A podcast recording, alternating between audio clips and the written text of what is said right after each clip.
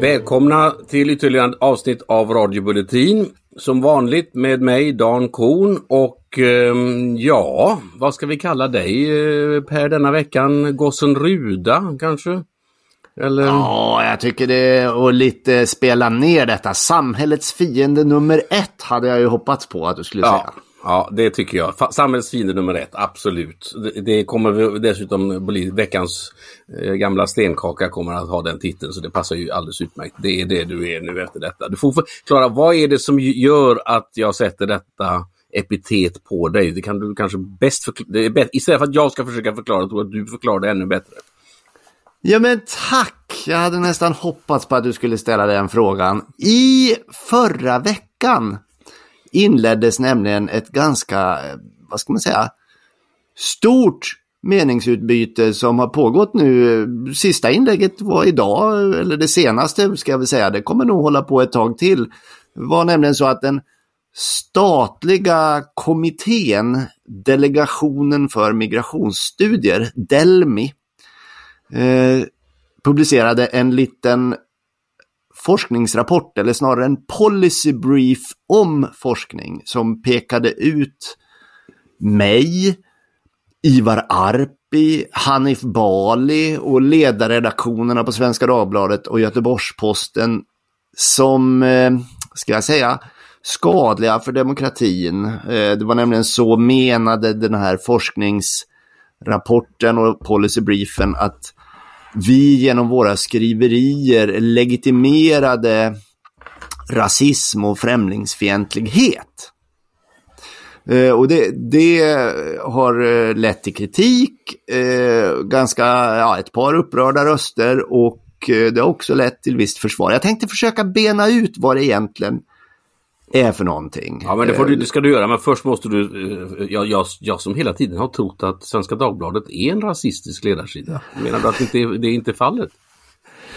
Ja, jag förstår att många är besvikna nu men, men eh, nej, den här forskningen eh, som Delmi har återpublicerat menar att det finns en rasistisk diskurs ute i samhället och, och den här reproduceras menar, eh, eller, eller legitimeras eller eh, omvandlas till lite finare positioner genom ledarsidorna. Det är, då, det är det som den här forskningen menar. Uh, inte så att det påstås inte så att säga att, att jag eller Ivar eller Hanif står som några Führers och, och, och, dirigerar en, en, en fascistisk publik, utan det är snarare så att vi på ledarplats då har, har legitimerat redan befintliga rasistiska idéer. så att säga. Och det här är då skadligt för demokratin menar man och leder till, leder till eh,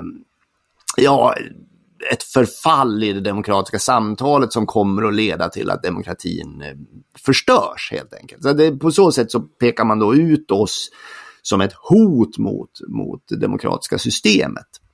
Men det ni, ni har gjort är ju inte att kritisera invandrare. Ni har kritiserat svensk invandringspolitik. ja. Förstår inte de på detta fantastiska statliga institut den skillnaden? Eller jo, vill jo. de inte förstå den? Jo, jo jag, jag, jag, kommer till det, men om vi först, först kanske jag ska berätta hur det här Delmi fungerar. Det, det är ju en kommitté och det här är ju en, vad ska man säga, skvader i svensk offentlighet. Det är både en myndighet men också en eh, oberoende i någon mån eh, verksamhet. Eh, man, man kan med statlig terminologi säga att det är en myndighet men, men, men man kan lika väl säga att det är en oberoende expertkommitté. Eh, det är både och helt enkelt. Eh, och, och, den lyder under justitiedepartementet. Den inrättades 2013 som en del i överenskommelsen om migrationspolitik då som alliansregeringen hade med Miljöpartiet. Och, och det är en kommitté med några, ja vad ska man säga, uh, tunga namn inom forskning och, och statsvetenskap och, och, och andra områden som kan beröra migrationspolitik.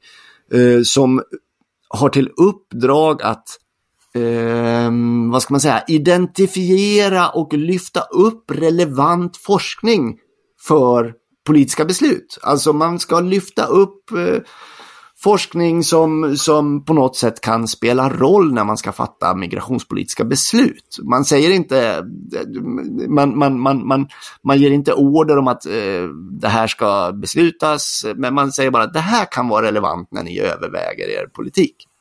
Och så, och så presenterar man den eh, antingen i hela forskningsrapporter eller så, så, så informerar man bara eh, samhällsdebatten, man informerar journalister helt enkelt om den här forskningen existerar och det är ofta då svensk forskning som man eh, lyfter fram.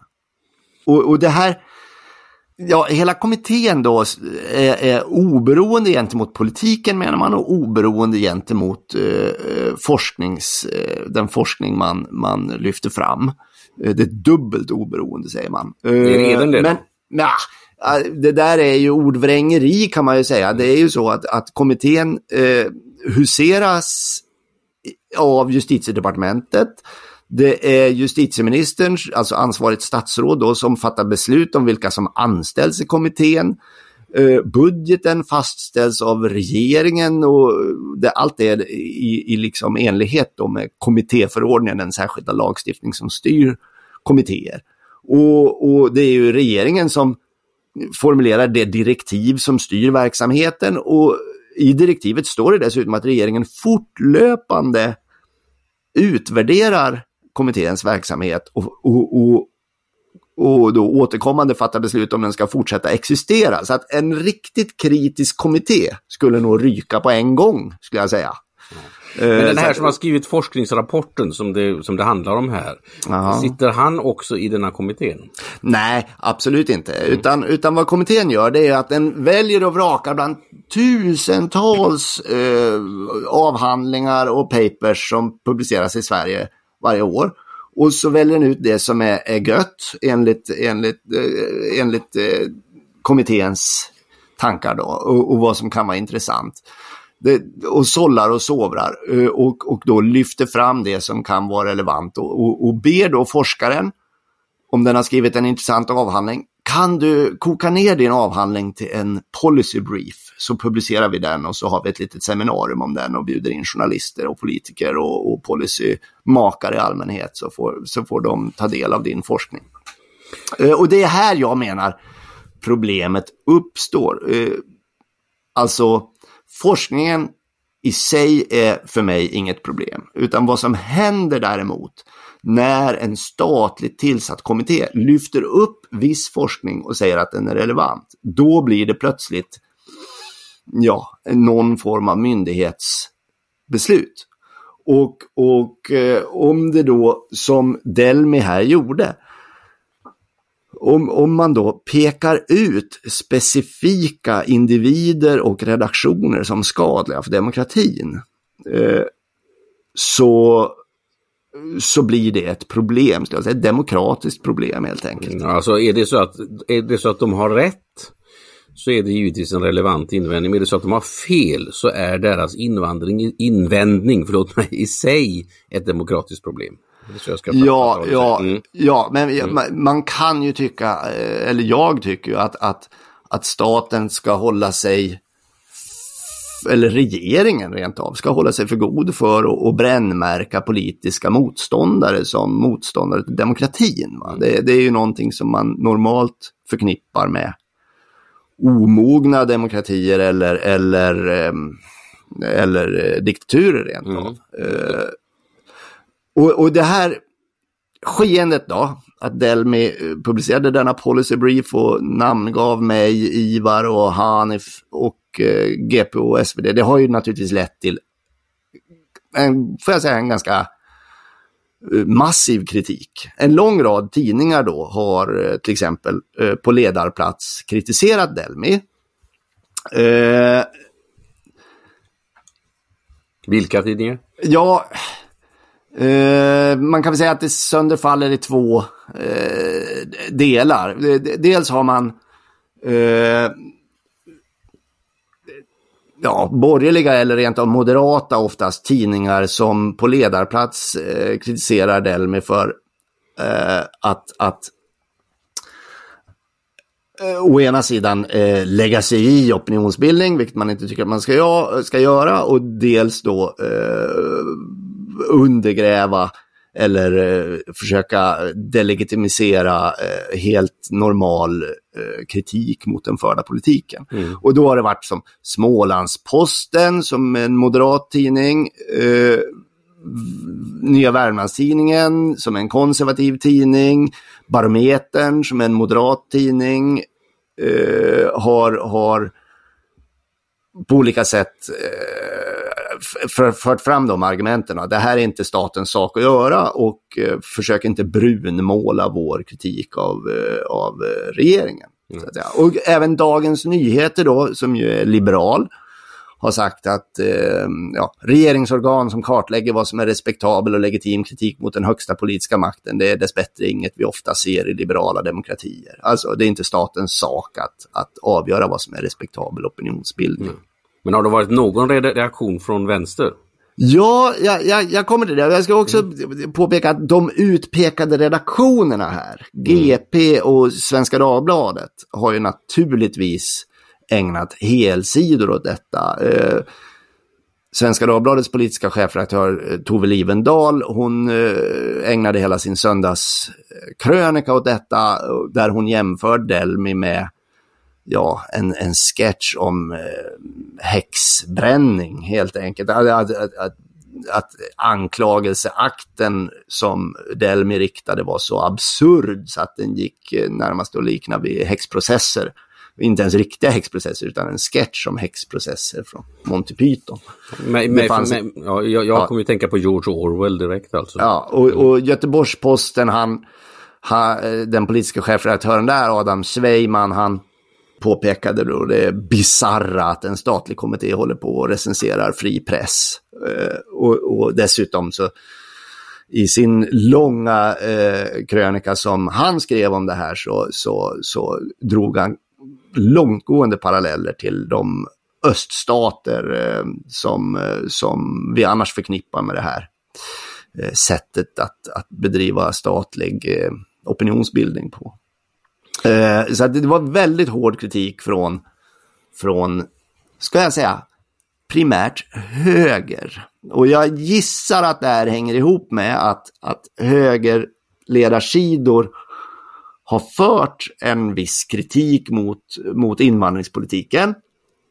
Och att de känner att, att den här kritiken har varit fullt legitim och det här ska inte staten eh, eh eh, försöka brännmärka.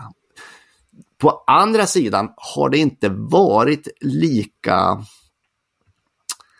lika översvallande så att mm. säga. Men jag kommer till den eh, ja, okay. delen. Mm. Det, det, det, Oj, förlåt att jag hostar.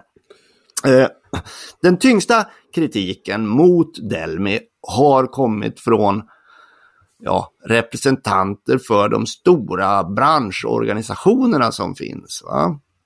Den fria pressen eh, har ju organisationer som har varit verksamma i ja, långt över hundra år för att försvara yttrandefrihet.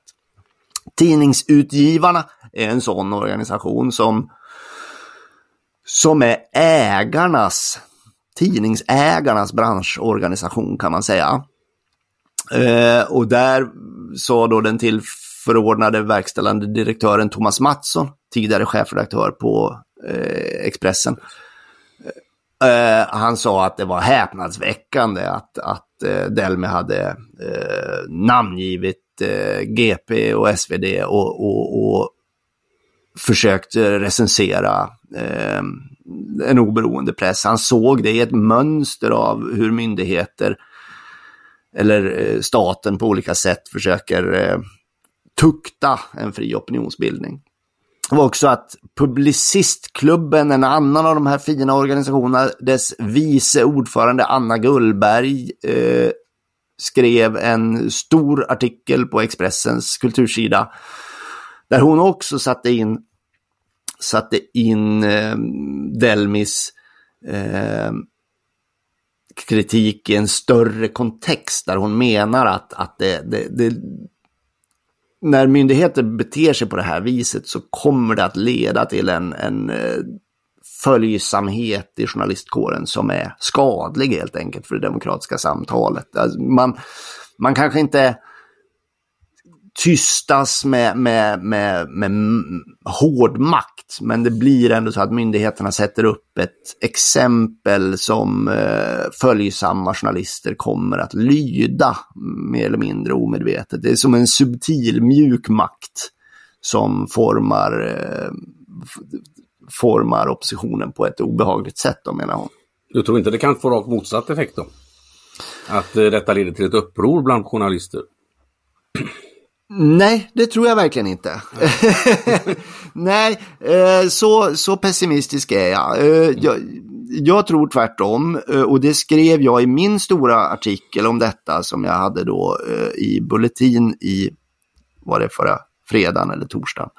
Där, där jag förklarar att, att när en statlig kommitté lyfter upp då exempel på vad den tycker är misshaglig journalistik och samtidigt säger att det här kan bli föremål för regeringspolicy, eh, då kommer naturligtvis aktörer i pressen som är beroende av statens gillande, kanske genom pressstöd eller forskningsanslag eller ja, vilket exempel som helst på, på, på när, när när man är beroende av staten, då kommer dessa aktörer att eh, anpassa sin verksamhet därför att det kan bli dyrt helt enkelt att, eh, att vara för kritisk mot den förda politiken. Eh, det, jag, jag, jag kanske tar i när jag, när jag förutspår en sån utveckling, men jag, jag menar att det är en, en, en principiell kritik mot det här eh, som Delmi har gjort. Du, det går hand i hand med detta att man också eh, kommer att villkora presstöd i framtiden. Det har ju redan sagts att man kommer att villkora. Ja, ja det, är väldigt mycket, det är väldigt mycket av bidragsgivningen i Sverige som som eh, villkoras med någon form av skönhetstävlingar där föreningar ska leda upp, leva upp till eh, vissa sorters eh, ideal om inkludering och, och, och, och, och, och så vidare. Och, och, på samma sätt så menar man att, att eh, pressstödet eh, ska vara villkorat med något slags eh, svår definierat i och för sig, men dock sanningskrav. Eh, det, det blir omöjligt ofta att upprätthålla sådana här normer som man försöker gör, gör, sätta för bidragsgivning, men, men man försöker hela tiden. Och, och, risken är ju att de här idéerna om, om att staten ska kontrollera eh, civilsamhället eller eh, den fria pressen eh, leder till eh, leder till en, en, anpassning som är skadlig menar jag. Mm. Ja det är sannerligen inte ingen, ingen, ingen bra framtidsperspektiv du målar ut här verkligen. Men, men vi, vi kommer väl återkomma till det. Vad, vad Nej men det, det, det, här är ju på det, ja, det är ju på det rent principiella planet. Sen kan jag ju naturligtvis på ett personligt plan kan jag ju tycka att det är väl skoj att få lite debatt. Jag är ju inte, ja men nu är inte jag lika, nu är inte jag lika stridslysten som Ivar eller lika eh, kaxig som Hanif Bali. Men jag befinner mig ändå i en yrkesroll där jag faktiskt ska gilla lite hårda tag och gilla att puckla på. Så att personligen har jag ju inte satt på mig hjälmen och skyddsvästen av, av rädsla för att bli påpucklad, utan tvärtom personligen har det ju varit lite skoj också. Att vara samhällets fiende nummer ett. Ja, jag måste säga att jag tycker det är, det är mycket roligare att podda med dig nu när du har blivit detta. Så. det höjer ju dig också. Du... det, det, det, jag, jag, det liksom, regn, vet du, det, eh, regnade på dig så droppar det på mig. uh, jag tänkte att jag skulle säga något om forskningen eh, som ligger bakom det här. Jag tänkte jag skulle komma in på Delmis försvarare också. Det ska också säga att det, det finns relevanta argument till försvar för Delmi och så vidare. Men, men eh, när jag ändå nämnde samhällets fiende nummer ett. Vad var det du sa? Hade du en låt om detta? Ditt ja, bibliotek? alltså det är helt, ja, det är helt fantastiskt. Alltså det finns en gammal skiva eh, eh, inspelad på ett konstigt billighetsmärke. Lite, det finns lite olika upplagor av den här skivan. Där ingen mindre än Johnny Bode Äntligen! ingen mindre än Johnny Bode har man, har man alltså fått Johnny Bode att sjunga in samhällets fiende nummer ett. Kan det vara en bättre illustration än, än, än så, än, än, så till, till, till, till, till dig och din alltså Alla jämförelser för övrigt med Johnny Bode ska vi så undvika men, men i alla fall detta tycker jag det är ju rent, rent, rent, rent fantastiskt.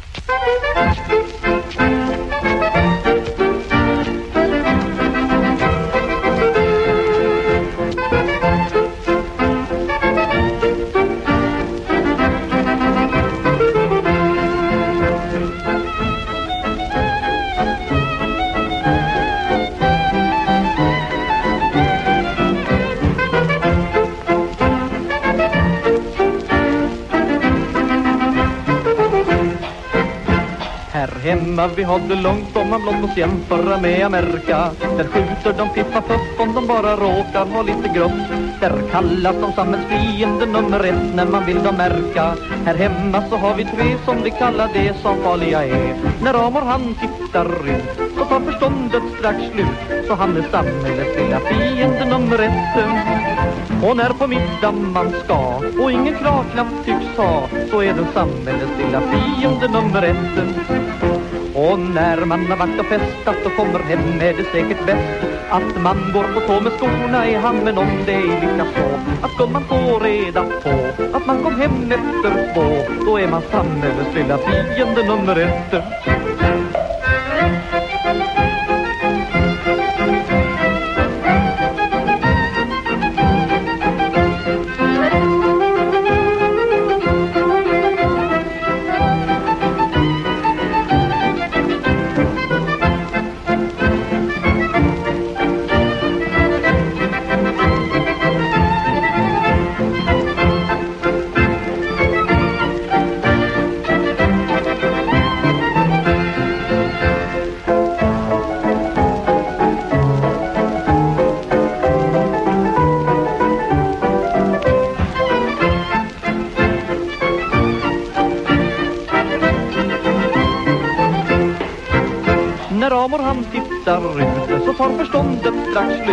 Han är samhällets lilla fiende nummer ett. Och när på middag man ska och ingen kravknapp tycks ha Så är den samhällets lilla fiende nummer ett. Och när man har varit och festat och kommer hem är det säkert bäst Att man går på tå med skorna i handen om det är lyckat så. Att gumman får reda på att man kom hem efter två Då är man samhällets lilla fiende nummer ett.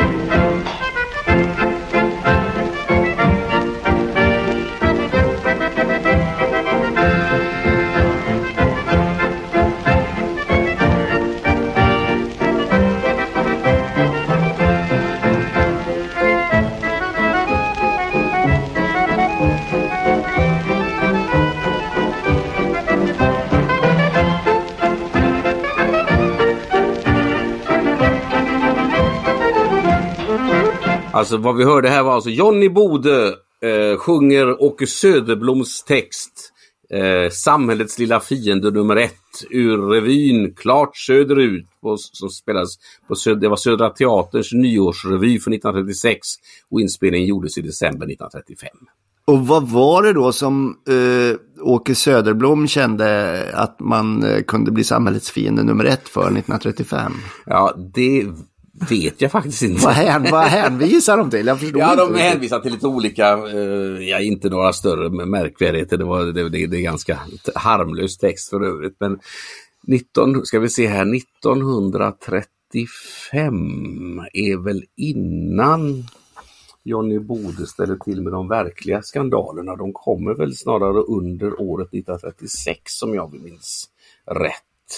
Han hade väl varit, alltså han hade ju gjort en hel del saker, vet du, stulit porslin eller ja. matsilver hemma hos Gösta Ekman och sådär. Han har redan gjort vid den tidpunkten. Men eh, det här Ja, de här vanliga springnoterna och sånt. Men ja, den riktiga mm. galenskapen hade inte Den riktiga galenskapen inträffar faktiskt under 1936-37 och sen då blir det ju en ny Eh, vända under kriget 1940 när han åker till Finland och sen till Norge och sånt där. Så att han är lite före där. Men... Inga jämförelser i övrigt, tack. Nej, vad jag har gjort, vad jag har gjort då, eh, om vi får återgå till Delmi och Delmis policy brief. Vad jag har gjort, det är att skriva om eh, migrationspolitiken. Och om, det är ju så då att forskningen som Delmis Policy Brief bygger på, den utgår från en studie av ledarartiklar till exempel. Eh, det finns, den utgår från, Policy Briefen utgår från flera studier, eh, till exempel om, om tonen på sociala medier och, och eh, ett, ja, hur, hur en Facebookgrupp har agerat och sånt. Men, men det som berör mig och Ivar är primärt en studie av eh, ledartexter. Eh, och eh, forskaren, han heter Mattias Ekman, han, han har, har då gjort en granskning av Göteborgs-Posten och Svenska Dagbladets ledarartiklar. Och den här forskningen har ju mött en del kritik. Jag har låtit bli att kritisera den här forskningen därför att jag tycker inte att eh, att, att, att det är själva forskningen som är problemet här. Jag menar att det är Delmi och Delmis roll som justitiedepartementets organ så att säga, som är problemet. Det är när Delmi adlar det här och gör det till, till eh, statligt sanktionerad eh, brännmärkning. Det är då det blir ett problem. Att forskningen i sig är kritisk mot mig eller eh, eh att forskningen i sig pekar ut vissa redaktioner som eh, dåliga, eh, skadliga. Det, det, har jag inget problem med. Forskning ska granska, forskning ska provocera, forskning ska presentera tankar som är obekväma. Och, och jag och Ivar och eh, alla andra, vi är föremål för otaliga sådana här studier. Eh, om man söker på våra namn i Google Scholar eller någon annan tjänst för, för vetenskapliga eh, uppsatser så kommer man att se att vi förekommer som datapunkter jätteofta. Det är mm. liksom mm. inget konstigt. Det är bra att det sker en fortlöpande granskning. Så det har jag inget problem med. Men mm. om man nu ändå ska titta på den här forskningen, som jag tycker är helt legitim, så att säga. om man nu ändå ska titta på den, då kan man ju konstatera att Urvalet är ju lite skevt till att börja med. Eh, forskaren har bestämt sig för att titta på Göteborgs-Posten och Svenska Dagbladet utan att till exempel titta på hur det ser ut i Aftonbladet eller i, i, i Dagens Nyheter eller Norrbottens-Kuriren eller whatever. Han har liksom valt ut GP och, och Svenskan därför att det på något sätt passar eh, hans idé. Mm. och, så sen, och så sen har han då sökt efter artiklar eh, i eh, de här tidningarna utifrån vissa givna söktermer. Vilket då utesluter alla andra artiklar som eh, möjligen haft en helt annan tendens. Men de har han aldrig sett helt enkelt för han har sökt med sina givna eh, termer. Och det där har Tove Livendal skrivit om redan tidigare om, om forskningens eh, liksom metodproblem. Och även Ivar vet jag, eh, som eh, är väldigt intresserad av forskningsmetodik och, och forskningspolitik, eh, har, har tittat på det här. Eh, men givet då vad, vad, vad de parametrar som forskarna satt upp så har han då funnit x antal artiklar i Svenska Dagbladet och GP. Och de här har då, menar han, i de här artiklarna hittar han exempel på hur främlingsfientliga och rasistiska idéer har legitimerats.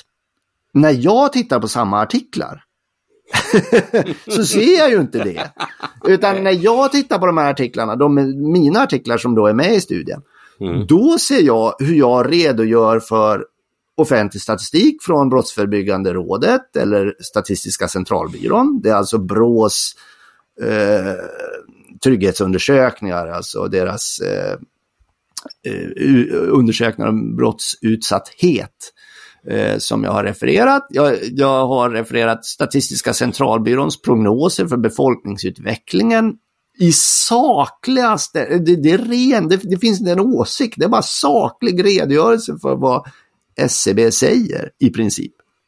Eller så har jag introducerat några av världens främsta statsvetare och nationalekonomer för en svensk publik och deras fynd om, om eh, hur eh, samhället påverkas av vissa eh, ja, demografiska förändringar eller eh, eh vad heter det, fragmentisering av, av, av det politiska landskapet och så vidare. Mm. Det har jag redogjort för. Eller i visst fall, en, en bok, en bokanmälan av en statsvetarprofessor.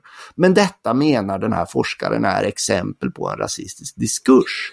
Fakta är stötande. Ja, ja, ja men det, det är verkligen det. Och, och, och, och eh, om jag skulle liksom drista mig till att och, och, och recensera den här forskarens forskarens tes då, så menar han, eller så, om, jag, om jag skulle försöka anpassa mig efter vad han tycker är, är, är bra, då, då, skulle det vara hela ämnen som jag inte skulle kunna skriva om helt enkelt. Han menar till exempel att eh, systemkollaps, idén om systemkollaps är en rasistisk tankefigur. Oj då. Eh, ja. Men, men under asylkrisen 2015 så fick vi ju konkreta exempel på systemkollaps. Jag beskrev två sådana eh, på Svenska Dagbladets ledarsida. Det ena gällde hur polisen förlorade alltså det enorma inflödet människor gjorde att polisen förlorade kontrollmöjlighet, det som kallas inre utlänningskontroll helt enkelt. Man kunde inte ha koll på vilka som var här. Det här eh, jag fick en, en läcka till exempel från eh, nationella operativa avdelningen, en, en eh, person som gav mig protokollen från NOA. Det är ju hemliga dokument som jag mm. fick ta del av och som jag kunde eh, publicera då utdrag från det Svenska Dagbladet där, där jag visade att, att internt sa polisen att vi har förlorat kontrollen. Det, det, vi, vi kan inte utföra den inre utlänningskontrollen. Eh, det stod på protokoll efter protokoll, vi har förlorat kontrollen. Och så externt mm. sa man att, att att eh, vi har visst kontroll. Men det, det, här var ett tecken på systemkollaps till följd av eh, asylsökarströmmarna. Det var liksom mm. uppenbart. Ja.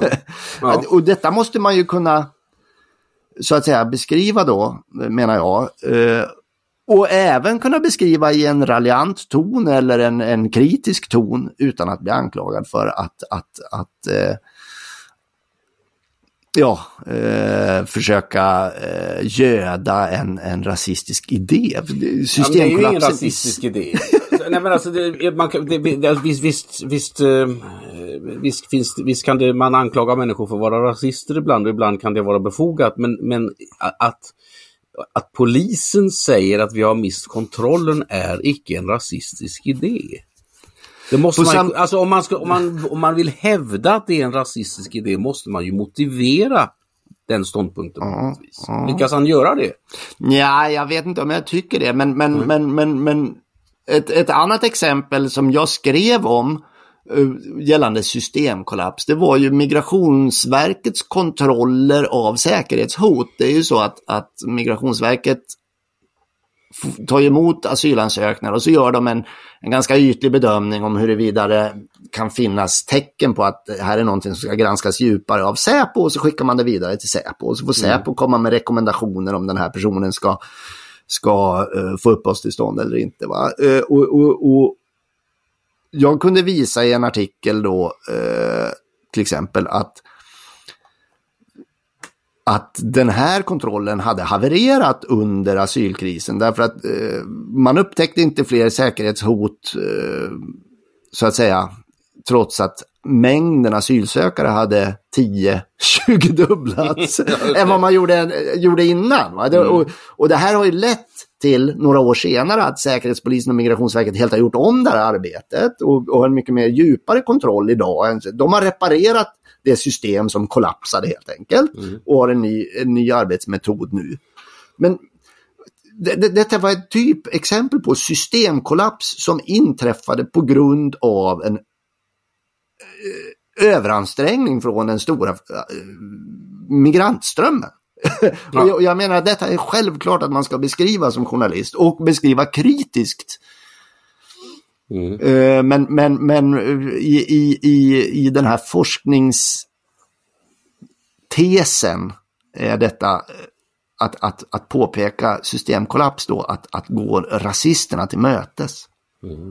finns en annan, en annan föreställning då som, som eh, forskaren menar är, är rasistisk och det är att invandringen leder till brottslighet. Ja, och, och specifikt sexualbrottslighet är då en rasistisk stereotyp helt enkelt menar, menar eh, eh, forskaren. Och, och jag kan hålla med om att det finns rasistiska stereotyper om, om, om eh, invandrare eller den klassiska rasistiska stereotypen är väl egentligen om färgade män som inte kan hantera sin sexualdrift. Eller något. Det, det är väl en, en rasistisk stereotyp om något. Eh, och, och, och, och det är klart Eh, att det finns rasistiska stereotyper. Men det är ju också så att det finns en överrepresentation i brottslighet bland specifika invandrargrupper i genomsnitt. så att säga. Och, och den mm, överrepresentationen leder till att brottsligheten inom vissa brottskategorier kommer att öka när befolkningens sammansättning förändras. Alltså migrationen leder rent mekaniskt till att vissa brottstyper eh, kommer att öka i vanlighet. Alltså, Ja, jag förstår precis vad det är. Det handlar inte om, om rasistiska stereotyper utan det är enkla regler. Det, är när olika människor och olika kulturer möts så uppstår det friktion och det är, ett, det är liksom inget, det är ingen rasism att säga det därför att det är någonting som vi alla vet. Det, det, man skulle kunna, om man vill undvika att eh, få det att hamna i rasistiska termer så kan man jämföra med liknande kulturkrockar som inträffade när svenskar en gång i tiden utvandrade till USA. Ja, jag kan mycket väl tänka mig att om vi flyttar en miljon svenskar till Saudiarabien så kommer förekomsten av alkoholrelaterad brottslighet att skjuta höjden i Saudiarabien. Exakt. Mm, exakt. Och därför, att, därför att det är bara så svenskar är, i genomsnitt. Och inte minst när de hamnar i en, i en, i en, i en Ja. helt avtorkad kul- kultur som Sau- Saudiarabien. Då. Men då kan man ju då, då men då menar ju då eh, forskarna att, att, att, att skriva om sexualbrottsutvecklingen och, och samtidigt skriva om migrationen. Det blir då att, att göda den här rasistiska stereotypen. Och det menar ju inte jag då. En, en annan av hans teser det är att det finns en, en eh, främlingsfientlig tankefigur som handlar om folkutbyte. Han, det, det förekommer då en, en konspirationsteori om att den styrande eliten eh, ska, ska byta ut befolkningen eh, och, och, plocka in eh, eh migranter eh, och, och på så sätt eh, göra majoritetsbefolkningen till en minoritet i sitt eget land. Mm.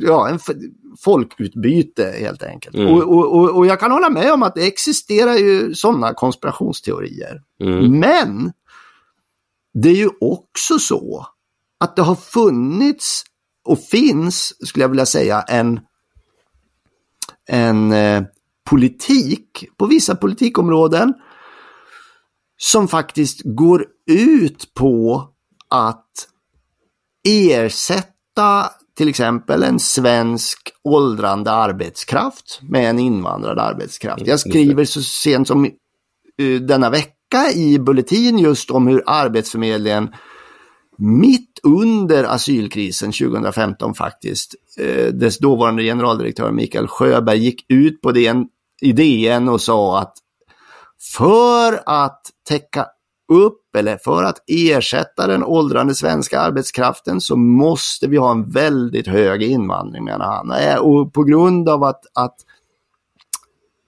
sysselsättningen bland invandrarna var generellt var så mycket lägre än bland svenskarna så skulle det krävas ännu högre invandring då för att få fram de här som kunde jobba så att säga. Så skulle vi behöva ta emot en massa som inte kunde jobba, menade han. Och, och detta, detta var inte någonting som bara han menade taget ur luften utan det fanns då en, en rapport som var framtagen, skriven inom Arbetsförmedlingen som hade gjort olika kalkyler på hur många invandrare måste vi ta emot givet att vi vill täcka upp och ersätta den arbetskraft som eh, går i pension som är svensk. Mm. Mm. Man kan titta på jag tror den hette Myndigheten för tillväxtanalys eller någonting sånt. Uh, Tillväxtverket heter det väl idag. Ja, just det.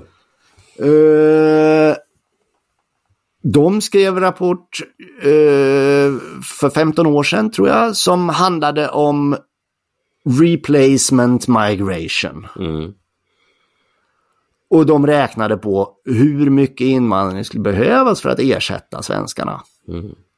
Och, och, alltså... och, detta, detta, var, detta är helt legitimt. Att, Ja. att fundera i det, här, hur ska vi få försörjning av arbetskraft? Mm. Det, det är en fullt rimlig tanke så att säga. Mm, just det. Eh, Det och, och att, kritisera, att kritisera denna tanke är också helt rimligt vill jag säga. Exakt. Och inte rasism. Nej. Alltså det, det, det, är konspiratoriska då i vissa som, som för fram de här argumenten med, med, med folkutbytet bytet är ju att eh, det hela går ut på det hela är liksom en djävulsk plan för att avskaffa svenskheten. Medan i verkligheten är det väl sådana så här, så här, de här Att de bara är dumma i huvudet. Ja, de är bara dumma, precis. Man tillskriver eh, motståndaren en intelligens som de inte har. Ja, ja visst. Ja, visst. Ja, men jag, jag håller med om att det, det finns en rasistisk eh, och främlingsfientlig diskurs där ute och det finns eh, knäppjökar som för fram konspirationsteorier. Men det, det gör ju i sig inte att, att, att legitim och Eh, utan att skryta, välformulerad kritik eh, faktiskt är, är, är giltig och viktig. Det jag har, det jag har fått mest skit för, eh, eh, det är en tweet som jag skrev. Som anknyter till denna teori om folkutbyte. En annan, en annan då, eh, en annan idé som, som eh, forskaren här menar är, är, är, är främlingsfientlig eller rasistisk. Och det, och det är då nationens undergång. Tanken på att Sverige kan eh, gå under. Det var, eh, och, och, och, för, och jag är lite förknippad med en tweet om just nationens undergång som jag gjorde 2015. Det blev bråk då och därför har den väl fastnat i, i, i, i folkmedvetandet. Men jag tror de flesta inte har klart för sig vad det var för kontext som, som faktiskt den här tweeten formulerades i och vad det var jag försökte säga. Det är möjligt att jag formulerade mig slarvigt eller så. Vad sa du då? Jo, jo, jo, Mm. jo.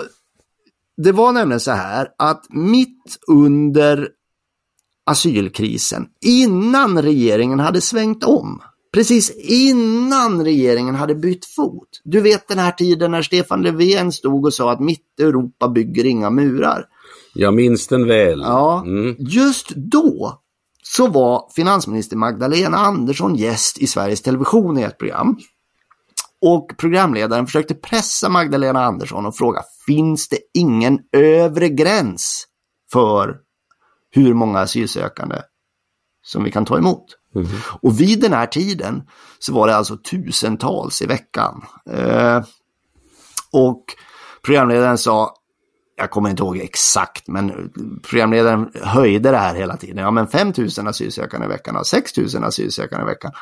Och, och Magdalena Andersson i, ihärdigt eh, vidhöll att nej, det finns, ingen, det finns inget tak, det finns ingen övre gräns. Och 10 000 i veckan då? Nej, det finns ingen övre gräns. Och jag satt hemma i tv-soffan och bara häpnade. För det är klart att det finns en övre gräns. Det visade sig sen att gränsen låg vid exakt vid 183 000 på ett år. Eh, och det var då regeringen bytte fot helt enkelt Mm. och sa att det här håller, Sverige håller inte för mer än så här. Nej. Men, men, det men var håller för mycket mindre, det var bara där var man att erkänna verkligheten. då. ja, just, just där och då så sa vår regering att det finns ingen övre gräns. Och jag tänkte att det här är ohållbar ståndpunkt som Magdalena Andersson för fram. Och då twittrade jag att Magdalena Andersson vägrar erkänna att 500 000 invandrare på ett år är ett problem. Det är 5 miljoner på ett decennium. Nationens undergång på en generation.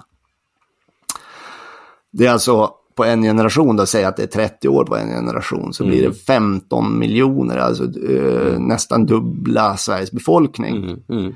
Eh, och det, det menar jag skulle innebära att staten Sverige som vi känner den eh, skulle upphöra att existera. Det skulle det är klart. vara något annat. Mm. Ja, ja, Och det tror jag skulle gälla alla andra länder. Om Estland till exempel fick sin befolkning tredubblad av ryssar så, Mm. så skulle Estland sluta att vara det Estland vi känner. Och det är inte konstigt om estländarna försöker hindra en sån utveckling. Eh, eller om Israel till exempel öppnade sina gränser och eh, lät befolkningarna runt omkring strömma in. Mm. Det skulle förändra Israel som vi känner. Mm.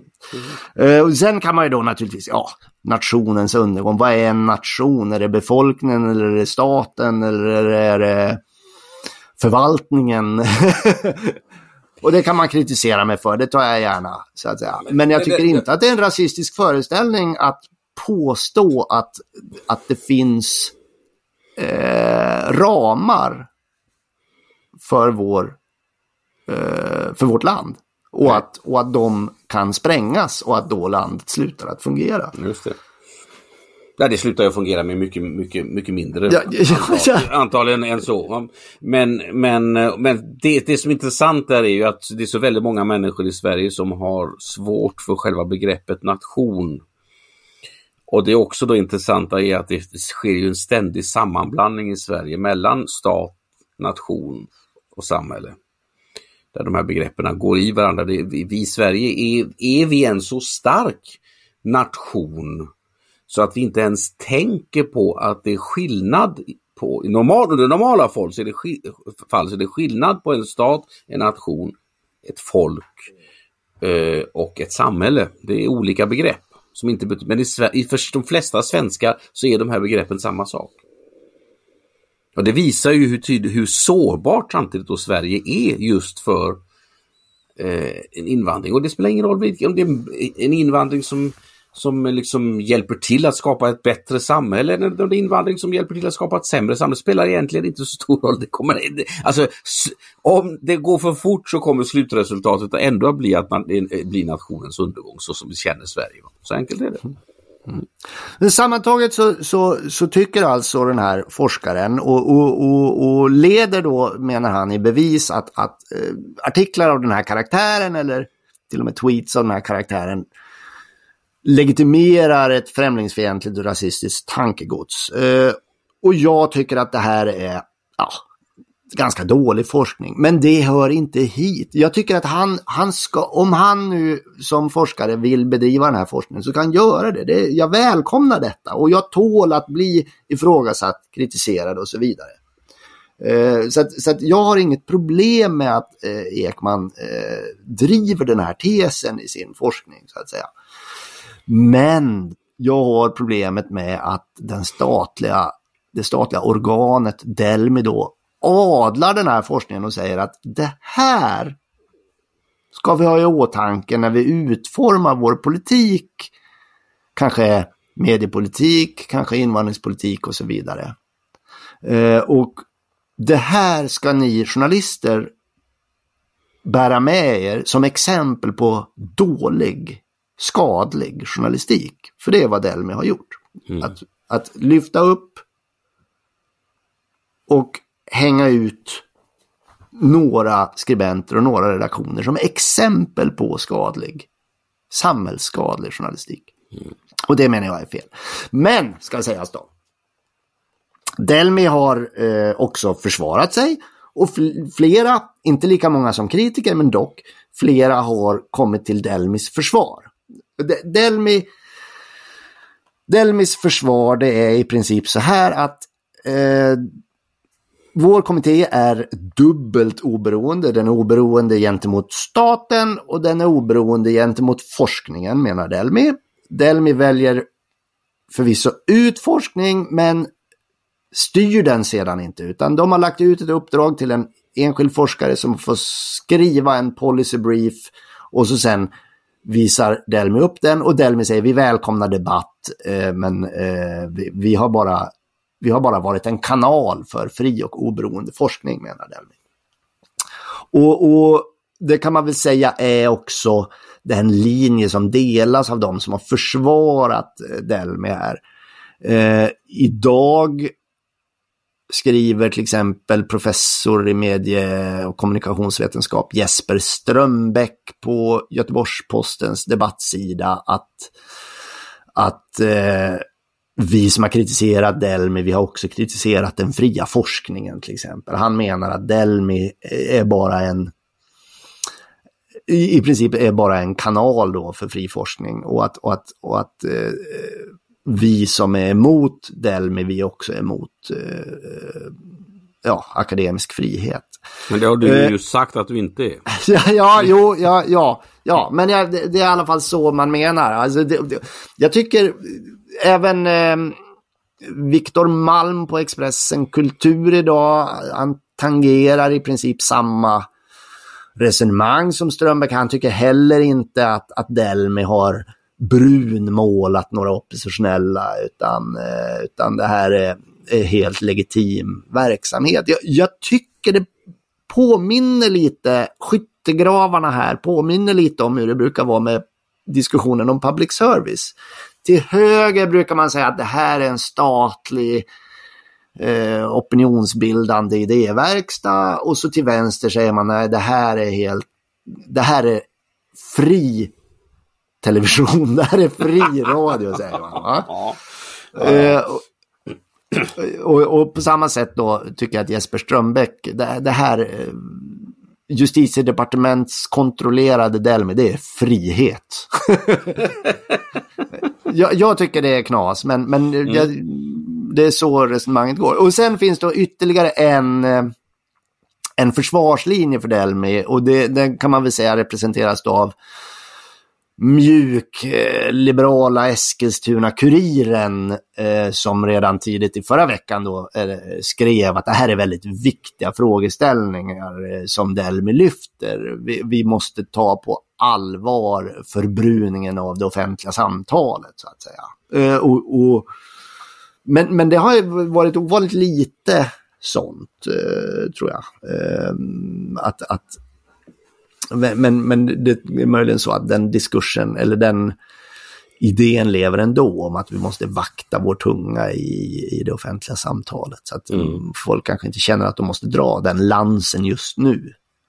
Mm. Eh, men jag tror ärligt talat inte att det här den här debatten är över än. Jag gissar till exempel att Hanif Bali kommer att ägna ett helt avsnitt av god ton åt detta och eh, han har ju en mycket vassare tunga än jag till exempel så han kommer säkert att elda upp några eh, fiender bara där.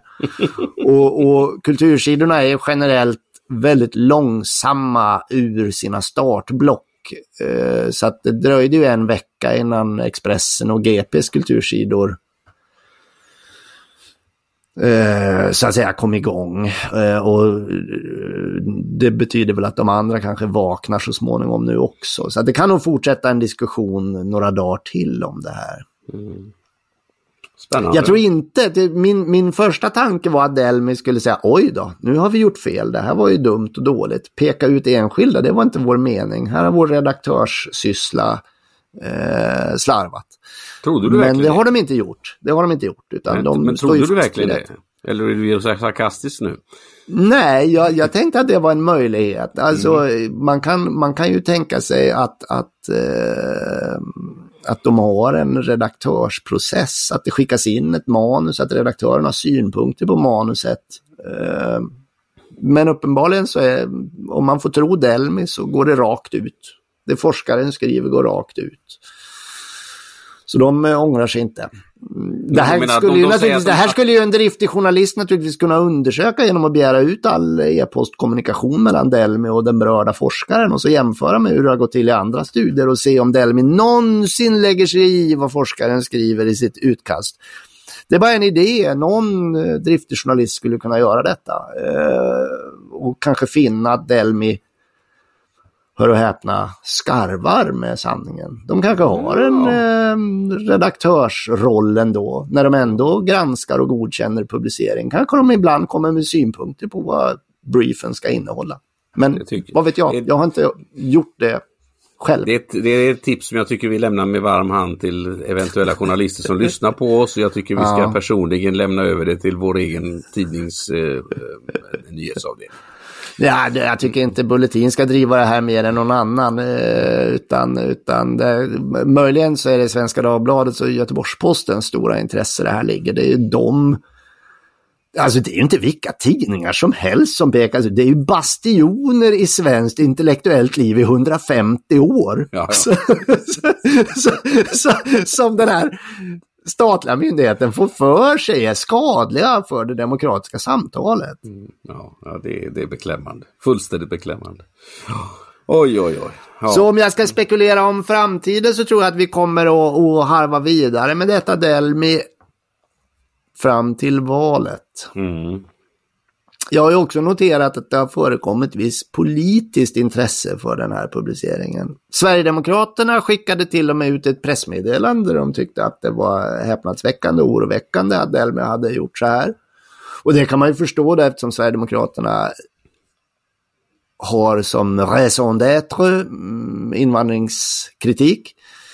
Eh, men även moderata och Eh, kristdemokratiska riksdagsledamöter såg jag eh, twittrade eh, eller framförde i sociala medier att det här var olämpligt av en statlig eh, kommitté. Och jag föreställer mig att det kommer att finnas ett generellt sparbeting om det blir en ny regering. Och att detta sparbeting ganska osentimentalt kommer att stryka med de här nebulösa Eh, eh, verksamheterna som egentligen inte tjänar något större Nej, de har ingen praktisk funktion i verksamheten så att säga. Delmi är ett slags tankesmedja som identifierar forskning. Ja, men forskningen finns där och vem som helst som har Twitter kan redan hitta den här forskningen. Jag får ju betydligt fler eh, artikeluppslag genom att följa några forskare som är väldigt bra inom migrations... eh, eh, så att säga, eh, än jag får av Delmi. Mm. Så, det, så, ju, det, det, så det, kan ju stekas utan någon större förlust för samhället så att säga. Och det tror ja, jag väl kommer blir, att hända. Blir, det blir en förlust för de som har jobb där. Ja, det är de klart. De som får sin klart. utkomst genom att skriva detta. Och det, och det, är, klart, mycket, det är mycket sånt som kommer att försvinna. Men det finns sådana. ju några, några, det finns ju en, en, en eh, delegation för integration också. Det finns sådana här eh, ganska, ganska eh, luddiga eh, statliga verksamheter som egentligen eh, inte gör någon större effekt. De har ingen utväxling på, på den faktiska politiken. Och, det, det och I den händelse att en regering befinner sig i trång, ekonomiskt trångmål och måste spara pengar så finns det ju lite lågt hängande frukt. Och då är Delmi en sån lågt hängande frukt. Det är, just, det är naturligtvis fick pengar i statens perspektiv men men eh, så där har ju borgerliga regeringar när de tillträtt gjort förr. Eh, det fanns till exempel vissa verksamheter som sossarna menade var bastioner för arbetarskydd och så vidare. Som, eh, som eh, regeringen Reinfeldt stekte omedelbart den tillträdde. Därför att det var bara tankesmedjor för sossar helt enkelt. Låt oss hoppas att detta händer och att det händer snart. Vad säger du Dagostar? Ja, jag har haft, ja, alltså så här, som, som journalist så ska vi säga att jag har haft eh, kanske inte någon stor nytta, men några grejer har jag fått tack vare Delmis verksamhet. Så mm. generös ska jag nog vara att de till exempel det mesta de har släppt tycker jag har varit, eh, ja vad ska man säga, eh, i enlighet med den svenska politiken då. Så att jag har inte varit så intresserad av det. Alltså de har försökt identifiera eh, forskning som har gett stöd åt, åt regeringspolitiken och, mm. och presentera den. Och det har jag inte varit så intresserad av. Men de har också vid undantagstillfällen lyft intressantare grejer för oss som har varit kritiska.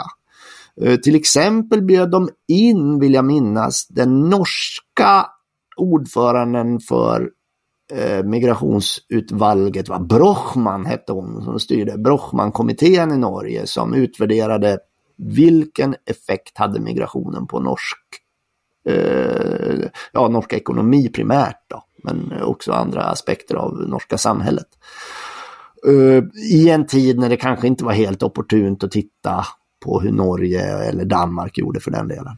Mm. Och hon tog dem ut i Sverige och jag vill minnas att jag gjorde en intervju med henne uh, på Svenskans ledarsida på den mm. tiden. Det, det, var ju intressant, men det mesta har varit ganska snömos. Det är ju mycket forskning som sker som Delmi inte lyfter fram. Och det, det är väl kanske där man ser tendensen. Det har ju inte arrangera sådana här seminarium om, om, eh, om eh, Adamssons granskning av, av eh, överrepresentation i brottslighet och så vidare. Mm. Det... Just det. ja. Ska vi sluta med något roligare?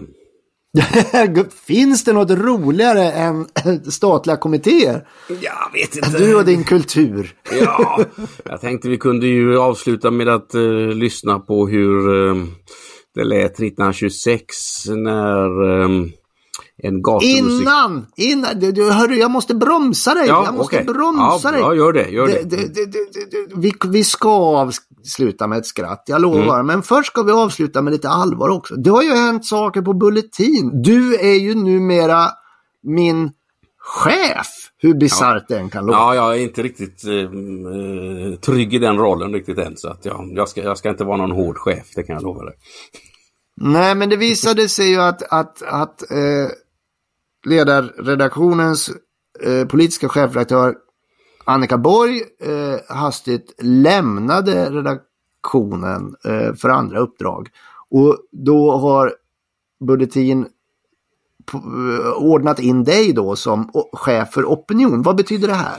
Jo, det, betyder, det är ju lite grann eh, en fortsättning på det, eh, den idé då som kommer från eh, detta som många har tyckt att var, var väldigt lustigt för de har inte riktigt förstått vad det handlar om. är att vi, vi ska bli som en svensk New York Times. Det innebär ju att, att vi, vi kör med New York Times idé om att man bör dela upp en tidning rent redaktionellt i det man säger på engelska news and views, alltså nyheter och åsikter. Um, och där det då innebär för vår del att vi har dels en nyhetsredaktion som publicerar nyheter, som sysslar med aktuell med reportage och liknande.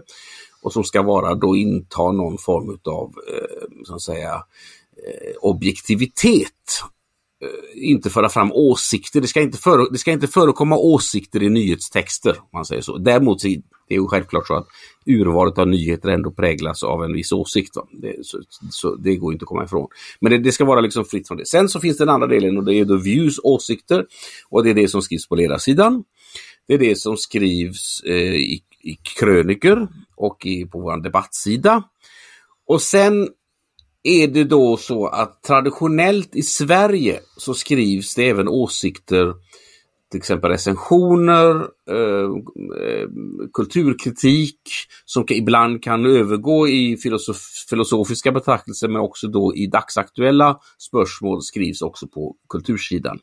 Eh, i, I USA är det inte riktigt så. Där betraktas kultursidan som en del av nyhetsmaterialet för det handlade mer om att där och där är den konstutställningen, där har den och den journalist, äh, inte journalist, den och den artisten släppt en... I, I Sverige finns det ju flera exempel på hur, hur ny, eller ledarredaktion och kulturredaktion är sammanhängande. Aftonbladet är ju ett sådant exempel, till exempel, ja. där, där, där det finns en, en ideologisk koppling mellan kulturmaterialet och ledarmaterialet. Jo, men vi har ju exempel också på tidningar, till mm. exempel Expressen och Göteborgs-Posten, där de nästan har någon sorts inbördeskrig mot varandra. Ja, ja, ja visst. Ja, ja precis. ja.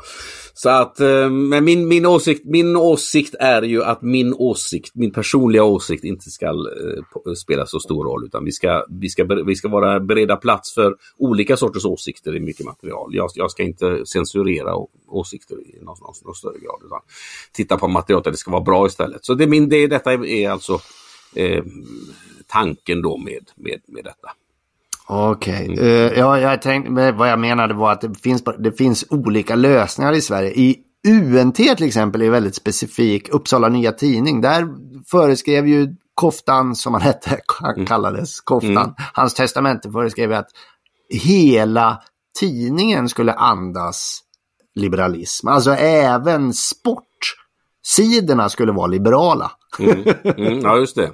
Sen vet jag inte hur det har gått med det. Alltså, det kanske man inte tänker på när man läser UNT precis. Men, mm. men, men, men eh, det, det, det, finns en lång rad olika eh, praktiska lösningar på, på hur tidningar är uppbyggda. Så det. Det, det. finns inte bara en mall som alla tidningar är stöpta i. Utan... Nej, nej, definitivt inte. Men alltså om man tittar på äldre svenskt eh, journalistiskt material så fanns det en väldigt grumlig skillnad mellan eh, ny, alltså nyhetsreportage och eh, åsikter. Jag har ett exempel från 1933. Då satte Karl Gerhard upp en revy där eh, eh, det var något med Hitler och eh, Göring och eh, gamle, vad heter han, den gamle rikspresidenten kallas han väl, eh, Hindenburg. Eh, och där finns då en sketch där, där Hindenburg knäfaller inför Hitler. Och den väckte sådana oerhörda protester så att eh, Karl Gerhard fick eh, ta bort den här ur sin revy. Eh, och ehm, där, ja, om jag minns rätt så spelades jag kommer inte ihåg vem det var som spelade Hitler, men jag vet att Göring spelade, som jag minns rätt, av Edvard Persson och den knäfallande Hindenburg spelades av den omåttligt fete Bengt-Åke Bengtsson. Och Bengt-Åke Bengtsson han, hade så, han klagade på att han fick så ont i sina knän. För det var en rejäl tyngdlyftning som skulle ske varje gång han skulle gå upp ur den där knäfallande. Så av den orsaken påstår Karl Gerhard i varje fall i efterhand så var han liksom beredd på att gå in och, och, och ta bort den här, den här sketchen. Men där finns en en, ett, eh, en artikel om detta i Svenska Dagbladet faktiskt. Eh, där, eh, där alltså ungnazister köpte biljetter under föreställningen och när den här sketchen gick så kastade de plommon på, och tomater på Bengt-Åke Bengtsson och Edvard Persson. Då. Och detta, alltså det, artikeln om detta i Svenska Dagbladet våren 1933 andas allt annat än objektivitet. Alltså de tycker att det var, alltså det var ett mycket lyckat eh, knep av de här ungnazisterna och där fick de och så vidare. Och publiken tyckte att detta var riktigt, riktigt roligt och så vidare. Alltså, texten andas väldigt stark sympati för de här ungnazisterna. Han, författaren där, jag tror inte ens det var något krav på den tiden att författaren skulle inta någon sorts objektivitet utan det var så här det var helt enkelt. Ja. Mm. Du, ja, det, nu nu, mm. när vi har sagt, nu när vi har sagt att du är min chef, då passar det bra med ett skratt. ja, det får jag stå för själv då. Men eh, eh, vi ska i sedvanlig ordning också avsluta med ett annat skratt. Eh, vi ska få höra på hur det går till när um, en gatumusikant 1926 uppträder på gatan och någon får för sig att stoppa citroner i instrumentet. Då lät det så här.